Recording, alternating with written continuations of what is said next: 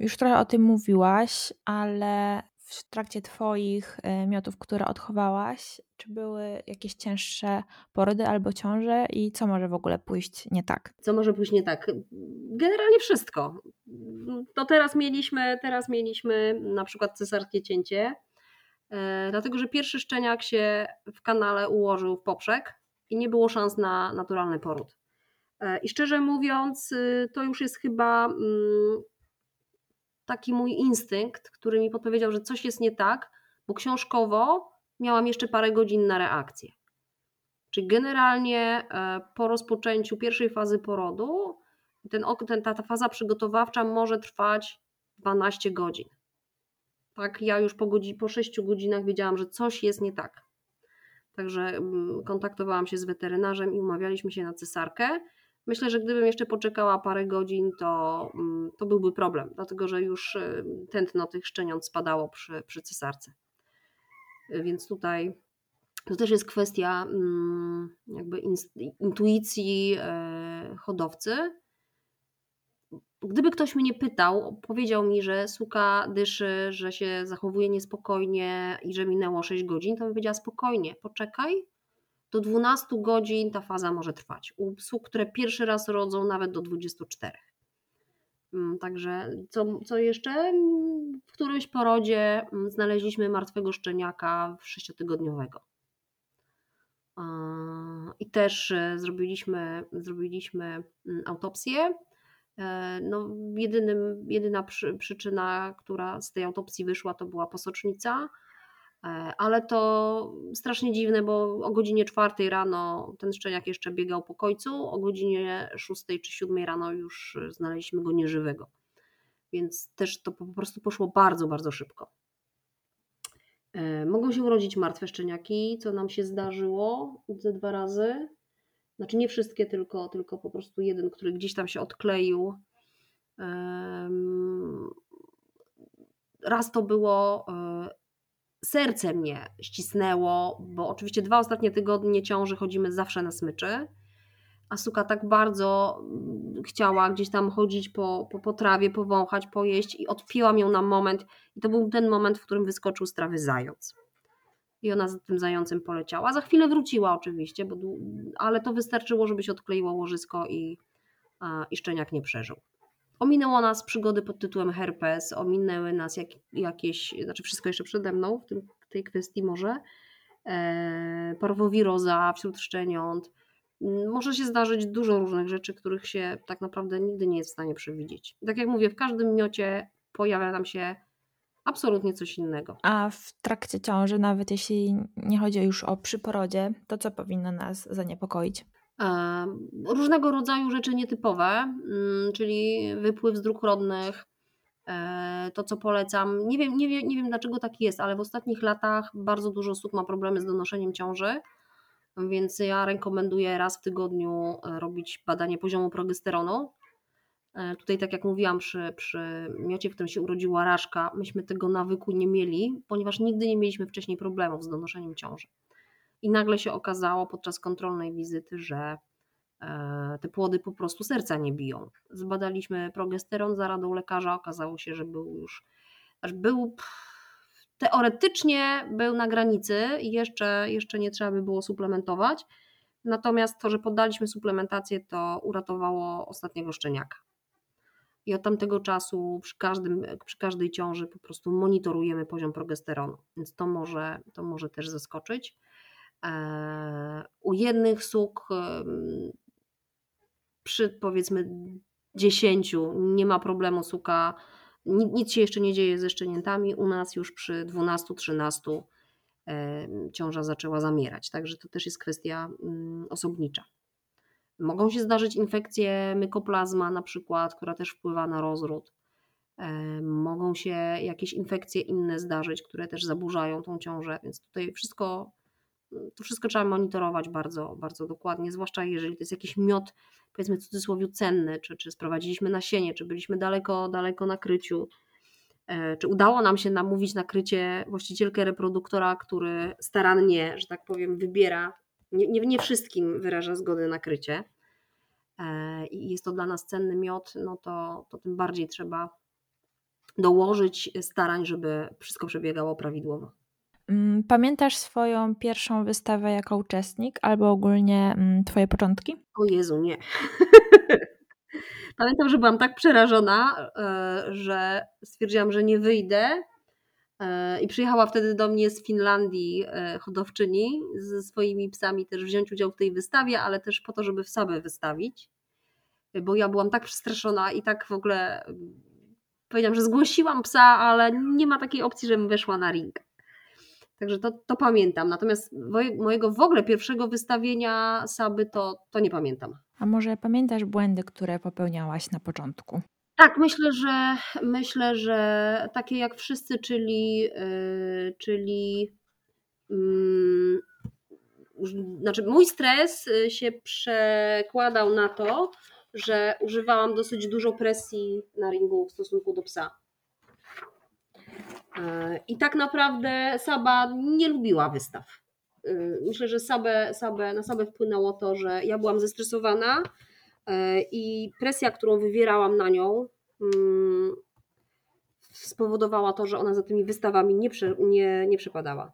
A zdarzały Ci się jakieś nietypowe albo zabawne sytuacje na wystawach? Tak, Kitka, kiedy była mała. Pojechaliśmy na klubówkę czeską taka, to była bardzo fajne wystawy w ogóle przez klub czeski organizowane. Jednego dnia jest klubówka, druga specjalistyczna, e, w takim ośrodku nad jeziorem, w środku lasu, cudowne miejsce. E, około 300 psów zgłoszonych i Kitka, która była w młodszych szczeniakach, która była tak totalnie bezstresowym psem, jak wystawiałam starsze w tym czasie na ringu, mimo że byłam z przyjaciółką, Kitka zawsze się gdzieś tam urwała, pod namiotem wyczołgała, wydostała z klatki e, i robiła rundę honorową po wszystkich ringach. Także co jakiś czas e, pół wystawy było zaangażowane w to, żeby złapać mojego szczeniaka.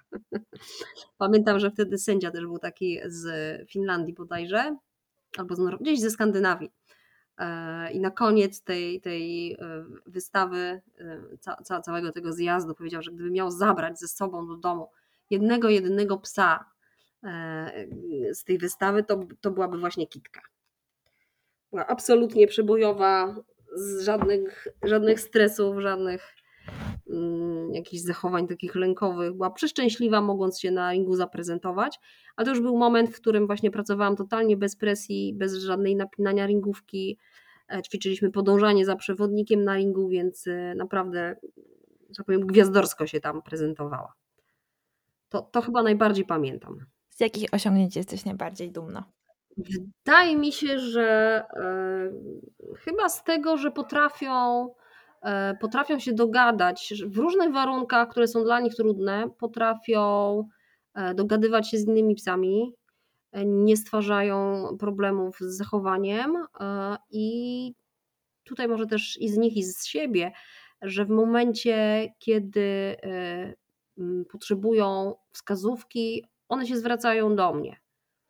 Mm, nie, nie, znaczy czasami podejmują decyzje oczywiście same, jeśli mają jakiś kontakt z psem, nawiązują relacje, gdzieś tam biegają, bawią się, no to nie jest tak, że co chwilę się patrzą na mnie, co mają zrobić. E, natomiast, y, że udało nam się zbudować taką relację, że e, jesteśmy się w stanie porozumieć e, bez stosowania właśnie jakichś negatywnych, negatywnych metod. A z punktu widzenia hodowcy, to znaczy, ja jestem oczywiście dumna z tego, e, że one są. No, Pata jest zwycięzcą świata, e, Ita jest wicezwycięzcą świata, Natka teraz w zeszłym roku też zdobyła zwycięstwo świata. Więc ja oczywiście jestem dumna z tych, e, z tych tytułów, bo jest to moja praca hodowlana. Czyli jakby to jest mm, potwierdzenie, że moje wybory, moja praca jako hodowcy nad i doborem hodowlanym, nad badaniami, jakby przynosi, przynosi e, jakiś element. Natomiast te wystawy to jest tak e, nikły mm, element czasu, który, który nas łączy. My na tych wystawach nie jeździmy co tydzień. To nie jest jakiś dla mnie priorytet, że one muszą gdzieś zwyciężyć. Daje nam to frajdę o tyle, że to jest czas razem spędzony na ringu. To jest czas tylko ja i ten jeden konkretny pies. E, gdzie też sobie jest to dla mnie element budowania relacji, bo ten pies mi ufa. Robimy coś razem, gdzie tym tandemie ja jestem przewodnikiem, ja mówię psu co robić, on jest wcześniej do tego przygotowany. Ten pies mi ufa i robi to z radością. I dla mnie to jest też duża frajda, kiedy widzę, że ten pies macha ogonem na ringu. Dla niego to jest fajne. To nie jest kosztem psychiki psa spełnianie jakichś swoich e, ambicjonalnych planów. Tylko to jest naprawdę dla nas wspólny, e, fajny czas. Oczywiście na tym ringu nie jesteśmy długo, ale to jest też podróż, to jest bycie gdzieś w jakimś fajnym nowym miejscu, gdzie one jakiś tam element socjalizacji dla nich czy poznawania świata jest. E, natomiast to jest bardzo mały wycinek naszego wspólnego życia. My razem przebywamy 24 godziny na dobę praktycznie. Powiedzmy w momentach, kiedy wychodzimy do pracy, no to jest to mniej. Natomiast jesteśmy zawsze jako stado. E, I, i dla mnie ważniejsze jest to, żeby nam razem było fajnie niż, niż e, trzymanie psa na przykład w klatce i, i wyciąganie go z tej klatki tylko na wystawę. To, to jest dla mnie troszkę takie nieporozumienie. A jak wyglądają wystawy od kuchni? Mm, gdyby ktoś się chciał zacząć w to bawić, to czego powinien się spodziewać? Eee, myślę, że dobrze by było, żeby się do tego przygotował. Czyli żeby poszedł na przykład y, na jakiś kurs przygotowania do wystaw, żeby po pierwsze wiedział, co go tam w ogóle może spotkać, E, i przygotował psa do tego już wcześniej. Plus oczywiście mm, pewnego rodzaju socjalizacja e, w sensie mm, pokazanie psu środowiska, które tam może spotkać. Czyli zabieranie go w miejsca, gdzie są inne psy, już teraz, do parku, gdzie spotka psy, popracowanie też nad tym, żeby ten pies jakby psychicznie był w stanie to wytrzymać. E, zabieranie psa w miejsca, w którym jest dużo ruch, dużo ludzi, hałas, megafony. Ja to robię na dworcu po prostu, gdzie sobie mm, czasem wychodzimy na takie socjalizacyjne wypady, e, cywilizacyjno-socjalizacyjne, tak to nazwę. E, że jakby przygotowanie tego psa troszeczkę od strony psychiki, a potem od strony choreografii, czyli pokazanie mu, czego my od niego tam będziemy oczekiwali, czyli biegu w odpowiednim tempie, E, stania w odpowiedniej pozycji i tak dalej. Ale również pracy, e, ułożenia treningu w taki sposób, żeby to dla psa było fajne, żeby wnosiło coś innego poza tym, że on ma się pokazać. Czyli żeby to była wasza wspólna jakaś e, aktywność, budująca wasze wzajemne relacje, a nie tylko szarpanie psa i wymaganie, że masz tak stać i koniec.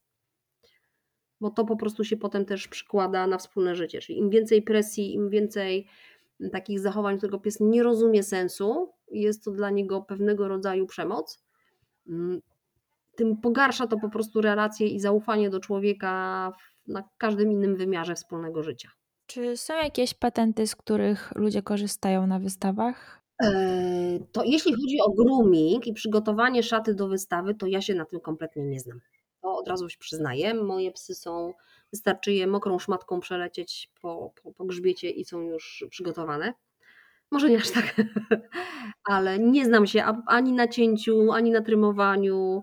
E, no wiem, że ludzie no, używają różnych specyfików typu mąka ziemniaczana czy, czy inne, żeby na przykład e, wbielić sierść, która przestała być dawno biała. E, słyszałam o nieludzkich metodach tatuowania nosa, które są pozbawione pigmentu u psów, gdzie jest to wada, więc trzeba to, to zakryć. Znaczy, tutaj jakby ludzka pomysłowość jest nieograniczona z, z tych różnych takich wieści, które do mnie docierają. Nie zawsze są to etyczne zachowania, e, ale na pewno, na pewno dużo przy psach, które mają, są szorstkowłose, długowłose, dużo jest, jesteśmy w stanie poprawić groomingiem. Natomiast dobry sędzia i tak użyje rąk i pomaca tego psa, dotknie, mm, wszystko sprawdzi ręcznie, więc e, sam grooming może, może nie wystarczyć. Aczkolwiek warto pewnie próbować. Czy są sędziowie bardziej lubiani albo tacy, do których ty szczególnie lubisz jeździć, czy to bez różnicy dla ciebie? Muszę się zastanowić, co powiedzieć. Znaczy tak, ja lubię jeździć do, bardzo lubię jeździć do sędziów którzy są hodowcami. E, dlatego, że ja też po sobie wiem, że w stosunku do swojej własnej rasy, jak sędziuję, to wystarczy mi rzut oka na psa. I ja wyłapuję wszystkie niuanse. Natomiast jeżeli mam na, e, na ringu rasę, której nie hoduję, a którą sędziuję, I ja po prostu mam wykuty na blachę wzorzec rasy. Y, staram się być opatrzona, rozmawiać z hodowcami i tak dalej, e, ale jakby ja muszę skupić uwagę na, na tych elementach. To nie jest tak, że patrzę i wiem natychmiast, tylko ok, linia górna w porządku, dolna w porządku. Swoją rasę mam po prostu wrytą obudzona o północy mogę, mogę powiedzieć, czy ten pies, który jest lepszy, który jest lepiej zbudowany, jak ten pies się będzie ruszał, patrząc na niego w statyce. Natomiast e, myślę, że z innymi rasami nie mam aż tak szybko. E, więc dlatego sędzia, który jest hodowcą, e, zawsze da inną informację zwrotną niż sędzia, bardziej dokładną, bardziej może wnikliwą szybciej wyłapie rzeczy, których nie wyłapie sędzia, który na co dzień z daną rasą nie ma mm, do czynienia. E, więc takich lubię. Lubię też sędziów, e, którzy nawet jeżeli powiedzmy mają mniejszą wiedzę o rasie, e, to są dosyć delikatni dla psów. Ja wiem, jak łatwo można, można mm, zepsuć psu przyjemność takiej imprezy. Kiedyś mi się zdarzyło właśnie z jednym z psów, na, który mam na współwłasność, wyjść w klasie młodzieży i był sędzia z Chorwacji. Byliśmy niestety pierwszym psem w ogóle, w ogóle, w ogóle ocenianym. I sędzia zrobił, podszedł od frontu, podniósł ręce do góry i zrobił takie wow. E, ja mało nie zeszłam na zawał. Pies po prostu wpadł w panikę i próbował mi zwiać z ringu. Siłowałam się dowiedzieć, co to miało być. Sędzia powiedział, że chciał ocenić psychikę psa. E, no i mieliśmy z głowy wystawy na co najmniej pół roku. Po prostu nie byłam w stanie psa wziąć na ring. Tak mu się e, wdrukowało w pamięć niemiłe doświadczenie na ringu. Po prostu na ring wchodził jak za karę. Więc też nie lubię, jeżeli właśnie sędziowie mm, zachowują się w sposób, który dla psa jest informacją, że stanowią zagrożenie. Podchodzą, podchodzą, wpatrują się w oczy, dotykają w sposób jakby nieprzewidziany, łapią od tyłu za jądra, albo na przykład próbują policzyć zęby szczeniakom, gdzie wiadomo, że no, mleczaki może i są, ale czy będzie stały ząb, to, to zobaczymy, więc jakby sens e, kontroli dentystycznej szczeniąt jest bardzo, bardzo mały. Więc jakby lubię takie podejście naprawdę empatyczne do zwierząt. A jak to się stało, że sama zostałaś sędzią? Myślę, że znaczy nie wiem, jakie, jakie są powody innych. Tak mi się wydawało zawsze, że prawdopodobnie takie same jak moje. E, czyli pewna, pewnego rodzaju frustracja podczas obserwowania tego, co się dzieje na ringu, że są wybierane psy, które e, no, nie pasują do wzorca rasy. Że pojawiają się na lokatach psy, które na przykład mają widoczne wady, które powinny obniżyć ich ocenę, że są psy z wadami ruchu. Eee, stwierdziłam, ok, mm, zróbmy kurs asystenta, zobaczymy. Zawsze, zawsze, zawsze można się wycofać. No i jakoś, jakoś to poszło. Eee, tak jak mówiłam na początku, ja dosyć jestem perfekcjonistką, więc jak się za coś zabiorę, to po prostu drążę eee, ile się da, natomiast nie zabieram się czy rezygnuję z rzeczy, które widzę, że nie będę w stanie zrobić, jeśli ktoś to robi lepiej. Nie wiem, jak oceniają moje sędziowanie inni, natomiast wydaje mi się, że mm, jeszcze trochę się muszę do, do obyć. Y, największy problem poza jakby ocena psów nie, nie, nie, nie sprawia mi trudności. Zawsze sprawia mi pewnego rodzaju trudność komunikacja z właścicielem.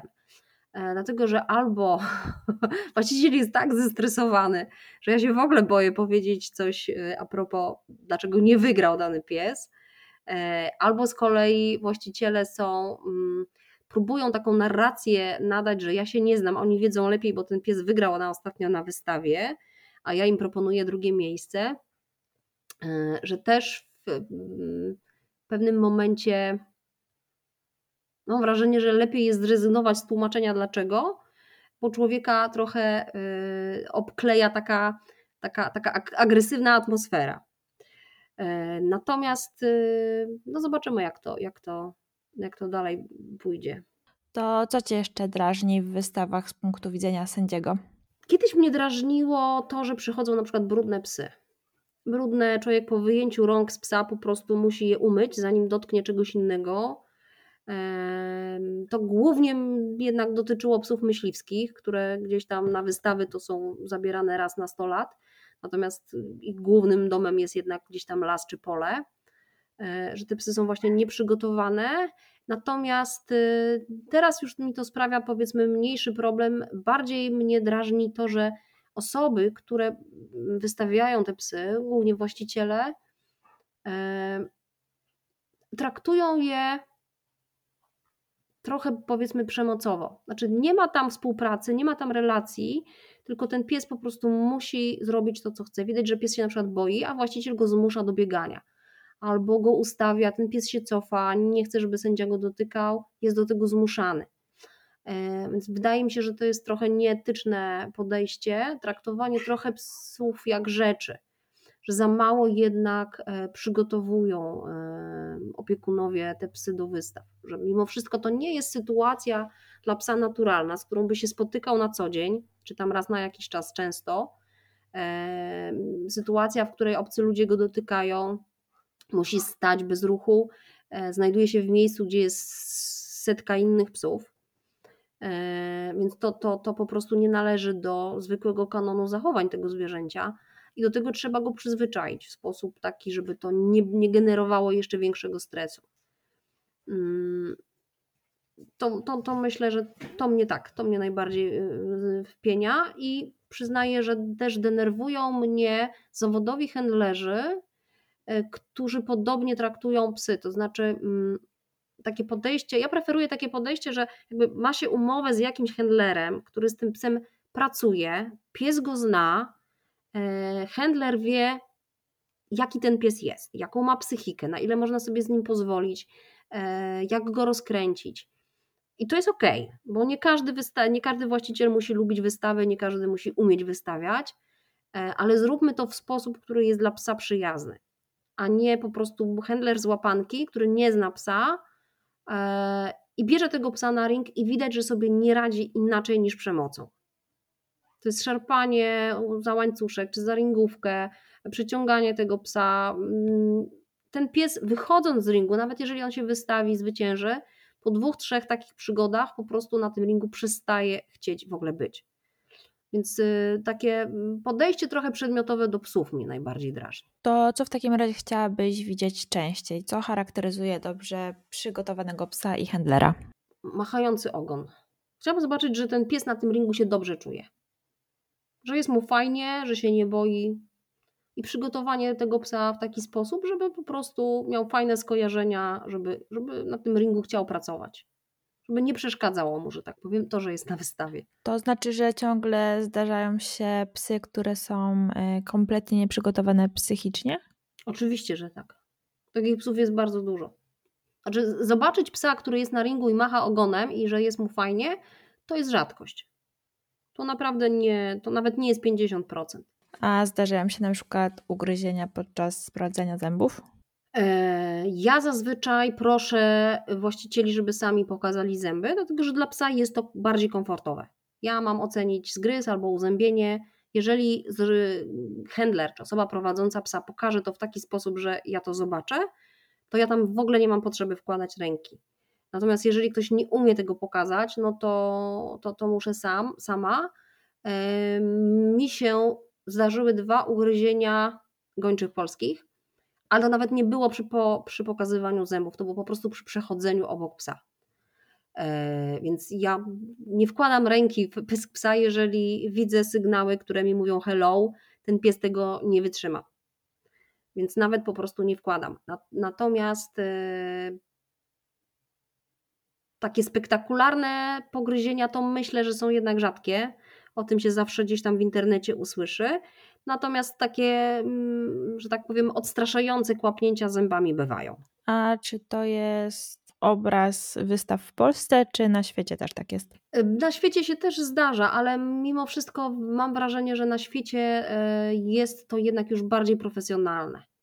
Czyli nawet jak się popatrzy na tutaj mój konik, owczarki niemieckie, u nas ciągle pokazywane są przez e, panów w dresach, natomiast no, na, jak pojedziemy gdzieś do Skandynawii czy, czy, czy, czy na zachód na tych wystawach, te owczarki jednak są prezentowane bardziej profesjonalnie. Już nawet nie musi być garnitur, ale mimo wszystko e, niekoniecznie gdzieś tam kryszowy dres, tylko no, bardziej elegancko. Tak? Jest to wystawa mm, piękności, a to nie jest wystawa, e, konkurs pracy. Więc e, też jakby kultura też pokazywania double handling, który teoretycznie jest zabroniony w regulaminie wystaw, nadal jest mm, praktykowany u nas, bo dużo rzadziej to się zdarza za granicą. Mówimy o zachodzie, północy, tak, nie, nie mówię gdzieś tam o wystawach rosyjskich. E, natomiast y, Skandynawia, zachodnie kraje, tamten double handling nie jest taki powszechny jak u nas. A zdarza się coś takiego jak niezadowolenie z oceny albo niesportowe zachowanie właścicieli? Myślę, że zadowoleni z oceny są w zasadzie tylko, y, tylko te osoby, które mają psa na pierwszym miejscu. cała, cała reszta. Najgorsze, jeśli śmieję, że najgorsze to jest drugie miejsce, bo to jest. Y, na trzecim człowiek się cieszy, że w ogóle się załapał na podium. Natomiast to drugie to jest takie, wiecie, o, o, o milimetr od, od pierwszego, tak? To jest takie frustrujące miejsce. E, tak, zdarza się, zdarza się że, że gdzieś tam wystawcy rzucą medalem, e, nie chcą odebrać dyplomu, bo jak nie wygrał, to po co? E, to, to tak, to się widzi. Niestety bardzo często widać zachowania niesportowe, mm, wbieganie na psa przed sobą, specjalne, żeby go gdzieś tam rozproszyć, rzucanie smaczków na ziemię specjalne, żeby, bo często jest tak, że po prostu saszetka jest niedopasowana i w czasie ruchu czy niezamknięta te smaczki wypadają komuś tam przypadkiem, ale często widzę rzucanie po prostu smaczków na, na przed psy y, sąsiednie specjalnie, więc takie, takie rzeczy się zdarzają. Zdarzają się głośne komentarze bardzo hamskie przy ringu, komentujące wybory sędziego. No ale to myślę, że jeszcze musimy trochę, trochę dojść do poziomu, który jest na zachodzie. No jednak tam kynologia miała trochę więcej lat, żeby się rozwinąć. A jako sędzia jakieś y, wystawy szczególnie zapadły Ci w pamięć albo miałaś jakieś nietypowe sytuacje? Ja też nie sędziuję jakoś tak e, długo, żebym mogła powiedzieć, że mam olbrzymie doświadczenie i, i e, jakieś niesamowite wystawy za mną. Myślę, że to mnie, mam nadzieję, że to jest jeszcze przede mną. No, w pamięć mi zapadła moja pierwsza wystawa, na której sędziowałam. Byłam prze, strasznie zdenerwowana. Się bardzo przejmowałam, e, czy na pewno wszystko dobrze zrobię i czy pamiętam, i że jestem też oceniana przez wystawców. E, natomiast ja bardzo, bardzo lubię e, wszelkie wystawy takiej większej rangi, Crafts lubię, tą wystawę bardzo lubię, ze względu na to, że tam klimat jest troszkę inny. Jest cała ta otaczka, taka mm, mm, telewizja, media, to wszystko transmitują prawie że w czasie rzeczywistym na, na kilku kanałach angielskiej telewizji. Jest cała ta ta część taka handlowa, gdzie są stoiska z przecudownymi rzeczami, które można pamiątki, e, ubrania takie specyficzne, dużo różnych fajnych rzeczy przywieźć sobie z takiej wystawy. E, no jest to, jest to wygranie takiej wystawy to jest jednak prestiż. I wystawy typu właśnie światowe czy, czy, czy europejskie mm, to są takie wystawy, na które bardzo lubię jeździć, pod warunkiem, że to nie jest bardzo daleko i że, i że podróż nie trwa dłużej niż wystawa. Są też pewne wystawy w, w kraju, do których mam sentyment. Bardzo lubię wystawy łódzkie. E, jakoś tak atmosfera nam się, nam się podoba i miejsce. Myślę, że każdy ma jakieś takie swoje ulubione. Być może jest to kwestia tego, że, że gdzieś tam jeździmy i w danym miejscu częściej wygrywamy. Lubię też wystawy takie na zewnątrz, gdzie są zapewnione fajne warunki dla zwierząt, czyli są miejsca, gdzie można się w cieniu schować, e, gdzie jest dostępna woda. E, nie, nie lubię na przykład wystawy mm, w takim szczerym polu, gdzie po prostu nie ma drzewa. Jest taka jedna wystawa, której nie lubię i staram się tam nie jeździć, chyba że będzie jakiś sędzia, którego bardzo cenię, to wtedy. Natomiast ze względu na warunki, jakie są oferowane, to, to staram się tam nie jeździć. Też lubię bardzo wystawy w Trójmieście. No zawsze wtedy można sobie po wystawie pojechać nad, nad morze i posiedzieć nad, nad falami. Mm, ponieważ jesteś sędzią, to jestem też ciekawa Twoich przemyśleń. Jak to się stało, że zaczęły wygrywać psy, które mają właśnie niewiele wspólnego ze wzorcem? Tak jak Olga Kwiecień mówiła w podcaście ostatnio, że Cocker Spaniele z linii pracujących wyglądają zupełnie inaczej niż te z linii wystawowych i że te wystawowe nie byłyby w stanie pracować w tym, do czego zostały stworzone. Jak ty to widzisz? Hmm, ja myślę, że, znaczy, nie wiem jak to powiedzieć, żeby było nie podpaść kolegom sędziom.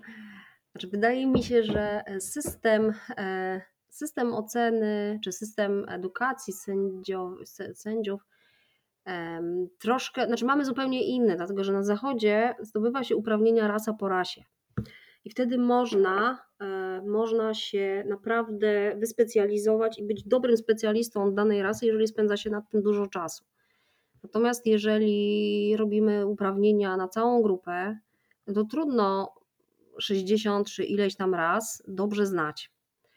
E, natomiast jeżeli jest się sędzią jednej, rasy, to tak naprawdę nie mamy szans na sędziowanie, no bo e, ze względów ekonomicznych oddziały wolą zaprosić sędziów, którzy mają większe uprawnienia i są w stanie więcej raz posędziować.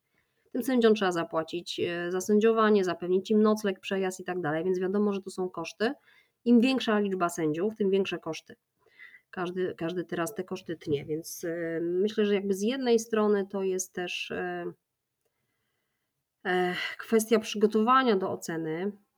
Mm, ja jestem sędzią grupy szóstej i szczerze powiedziawszy, nie mam w planach rozszerzania się na jakąkolwiek inną grupę. Uważam, że te 60 raz, które mam, to i tak jest wystarczająco dużo. Teraz te, teraz te systemy mają się zmienić i też mamy się dopasować do e, tego, co jest we FCI, czyli powinniśmy zdobywać te uprawnienia w sposób dużo mm, bardziej szczegółowy, tak to ujmę. Więc może to jest kwestia sędziowania, e, ale może to jest też kwestia taka trochę samo napędzające się koło takie perpetuum mobile, no bo jeżeli wygrywają psy e, w takim typie, takie bardziej show, mało, mało kładziemy e, uwagi na funkcjonalność, no to jakby hodowcy hodują takie psy, dlatego że one wygrywają. Ja pamiętam, jak e, ja sprowadziłam Sabę, jak bardzo było dla mnie frustrujące to, że Saba nie wygrywa, mimo to, że była jed... czasami była jedynym psem, który spełniał e, zapisy wzorca odnośnie wielkości. Cała reszta tych psów to była po prostu olbrzymia. Była dużo za duża w stosunku do tego, co było we wzorcu i dużo za mocna. E, więc patrzenie na to, jak pies, który jest fajny, dobry, dobrze się rusza, nie ma wad, nie wygrywa, a wygrywa pies, który e, no, nie spełnia tych wymogów wzorca, czy nie do końca, jest na pewno frustrujące. E, więc myślę, że też część hodowców po prostu idzie na łatwiznę i zaczyna hodować to, co się po prostu podoba, bo to, co się podoba, to się sprzedaje. I tak to się e, samo napędza. E, myślę, że pewien trend też w wyborze sędziów, tak jak u nas na. To była światówka w zeszłym roku w Budapeszcie, to była, czy w Brnie wystawa, to naprawdę, jeśli chodzi o moją rasę, to nie pamiętam, kiedy poprzednio sędziował sędzia na takiej wystawie. Na wystawach europejskich, na wystawach światowych pojawiają się sędziowie, których nazwisk nikt nie zna w naszej rasie. Nigdy wcześniej nie widziałam, żeby sędzia o takim nazwisku sędziował Rodyzjany, a nagle się pojawia na światówce. To też mi trudno się jakby oczekiwać, żeby wybrał dobrego psa, no bo jeżeli nie sędziuje, nie ma doświadczenia z tą rasą, to skąd ma wiedzieć, jak wygląda e, dobry Rodezjan? I też mam trochę y, uwag co do psów, które wygrywały wtedy. E, też mi się wydaje, że mm, dosyć słabo przypominały psa opisanego we wzorcu. Być może tutaj rozwiązaniem byłoby jednak zapraszanie sędziów, którzy się specjalizują w danych rasach, przynajmniej na wystawach wysokiej rangi. No ale to już uwaga do organizatorów. Mm, innym problemem są też niekoniecznie dobrze przemyślane połączenia par hodowlanych i brak przepływu informacji o występowaniu chorób. Jest cała masa ras, które są obarczone poważnymi problemami zdrowotnymi. Czy ty dyskutujesz z innymi sędziami albo hodowcami, dokąd to wszystko zmierza? E, ja mam to szczęście, że jeśli chodzi o rodezjany, to jest rasa dosyć, do, dosyć zdrowa. I tak naprawdę nie mamy takich większych problemów e, jak w innych rasach, czy w rasach brachycefalicznych, czy, czy w owczarkach niemieckich z dysplazją. E, mamy też te, tego farta, że mm, my jako y, miłośnicy czy hodowcy rasy raz na 4 lata organizujemy e, tak zwany kongres rasy. I on się odbywa w różnych krajach na świecie, gdzie co 4 lata się zjeżdżają większość hodowców. Mamy dwudniowe panele, właśnie wykłady o najnowszych informacjach, o chorobach, które się pojawiają, e, przeróżne. No I o wzorcach, i o psychice, co tam, co tam się, mm, jest akurat na topie i, i na różnych forach dyskusyjnych, to, to, to się pojawia na takim kongresie i możemy sobie o tym wszystkim porozmawiać. Natomiast większość raz y, takich, takich rzeczy nie ma. E, ja myślę, że to jest takie samo środowisko, jeśli chodzi o hodowców, jak inne, e, inne mm, profesje. Tak samo jak wśród lekarzy zdarzają się ludzie, którzy jakby robią to z empatią, zdarzają się też ludzie, którzy po prostu traktują to jako zawód i, i po prostu chcą zarabiać pieniądze. Trudno oczekiwać, żeby wśród hodowców było inaczej. I niestety są też osoby, które pokryją i chorego psa, no bo mają takiego psa, co będą go żywić, że tak powiem, niech się zwróci. E, I są rozmnażane, osobniki, które są chore albo dają chore potomstwo i właściciele o tym wiedzą. E, diagnoz, diagnozy, dlaczego tak jest, nie, nie, nie umiem stwierdzić. E, natomiast pewną, pewnym remedium na to jest moim zdaniem szczerość. Czyli mówienie otwarcie o tym, co się pojawia, że ten pies u mnie w liniach zachorował, ten ma taki problem, ten ma inny, dlatego że e, nie jesteśmy Ameryką, nie jesteśmy Australią, bardzo mało kto kryje w pokrewieństwie u nas. E, byłoby to pewne rozwiązanie na, na wpływ nowych genów, gdybyśmy tak kryli, aczkolwiek podejrzewam, że mało kto z nas zna e, swoje linie tak dobrze i tak długo hoduje i ma tak czyste, zdrowotne linie, żeby móc kryć w pokrewieństwie. Dlatego wszyscy używamy linii innych hodowców i y, kłamiąc, no bo tak to trudno, trudno powiedzieć, ukrywając powiedzmy pewne, pewne choroby, działamy na swoją niekorzyść. Bo tak samo jak ja coś ukryję, jak ktoś chce pokryć moim psem, to ten ktoś też coś ukryje, kiedy ja będę chciała pokryć jego psem. A dowiem się o tym, bo mi się urodzą chore szczeniaki lub pojawi się jakiś problem zdrowotny za chwilę, kiedy podrosną. Więc y, jesteśmy dosyć krótkowzroczni, nie patrzymy na to całościowo. Każdy z nas powinien dbać o to, żeby e, nasze psy i nasze i innych hodowców e, były zdrowe, bo my z tych linii wszyscy sobie nawzajem korzystamy. Spotykasz się z niezrozumieniem, po co są w ogóle wystawy? E, czasami, ale ja jakoś tak bardziej się obracam w kręgu ludzi, e, którzy trenują z psami nie tylko do wystaw, różne inne rzeczy, więc bardziej to traktują jako też pewnego rodzaju sport. E, z tego co wiem, stosowałaś też akupunkturę u swoich psów. Co to miało na celu? To jest bardzo fajna metoda lecznicza, która się sprawdza bez potrzeby podawania chemii nietrafionych leków, e, która tak naprawdę nie zrobi krzywdy. Zrobiłam kurs, kurs akupunktury zwierzęcej kiedyś dawno, e, jeszcze właśnie w czasach, kiedy Watson żył. Bardzo dobrze nam się to sprawdzało w przypadku problemów z ruchem. Kiedy był już starszy, miał początki spondylozy, potrafiło być to w ten sposób, że na przykład rano ciągnął nogi za sobą, nie był w stanie stanąć na tylne łapy. 15 e, minut sesji na igłach, zdejmowałam igły, pies się otrząsał i samodzielnie szedł dalej. Więc po prostu trochę to magicznie brzmi, ale działa absolutnie cuda. E, do tej pory korzystam e, też z usług pani doktor weterynarz, która się tym zajmuje, na przykład przy różnego rodzaju zaburzeniach hormonalnych. Kiedy suka mi nie dostawała cieczki, tydzień po sesji jednej, jednej sesji z igłami pojawiła się, pojawiła się cieczka.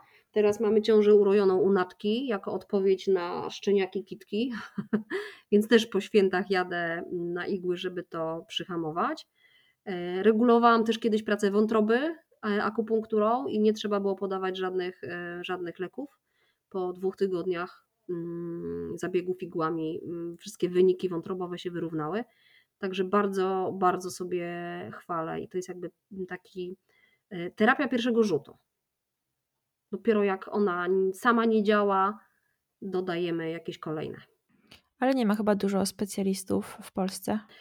Yy, nie ma, yy, nie ma i nawet jeżeli się pojawiają, no to, to też trzeba by mieć jakby przy, przetestować. Ja tą naszą panią doktor Bałucińską mam przetestowaną, dlatego że po prostu widzę efekty. Ona też bada, bada punkty, sprawdza, gdzie co jest słabiej. Mm, pamiętam prześmieszną rzecz, mianowicie z i tą pojechaliśmy na właśnie na mm, pobudzenie cieczki, bo jakby minęły dwa, dwa miesiące od terminu, kiedy powinna mieć, nic się nie działo, a, a nie chcieliśmy szczenią y, jesienią. E, I, I ta w ruchu zawijała trochę stopy do środka.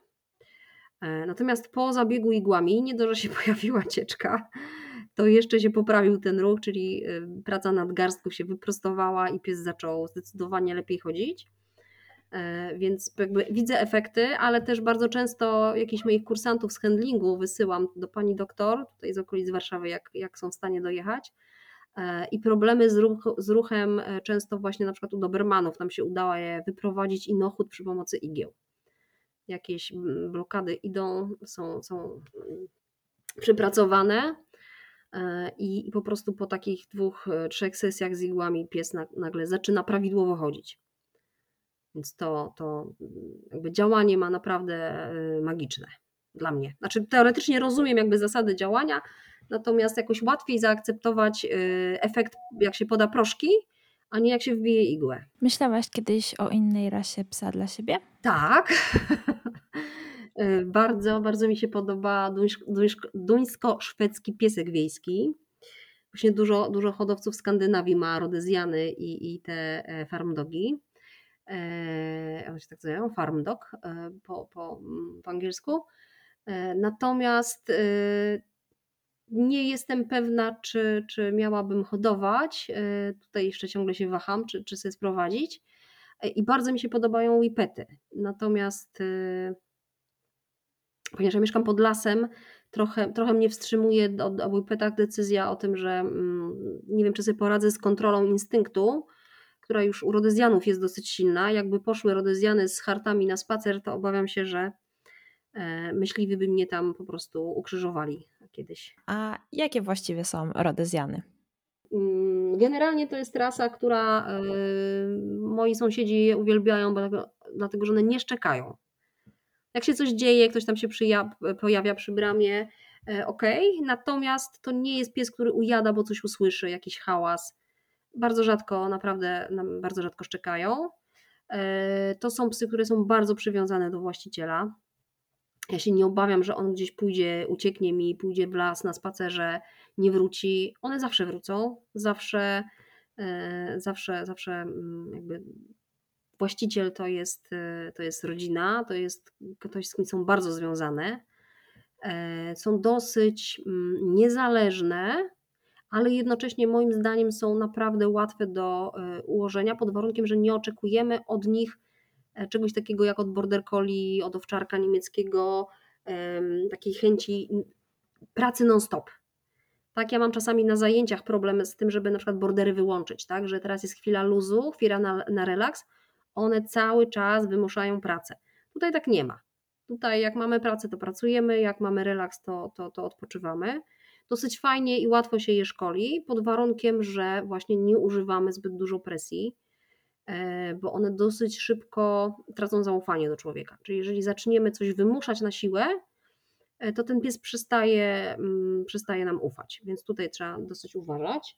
Mają, są dosyć zdrowe, nie, nie, nie mamy problemów ruchowych, ewentualnie coś, co pojawia się w rasie, e, częściej to jest alergia, czy bardziej atopia może.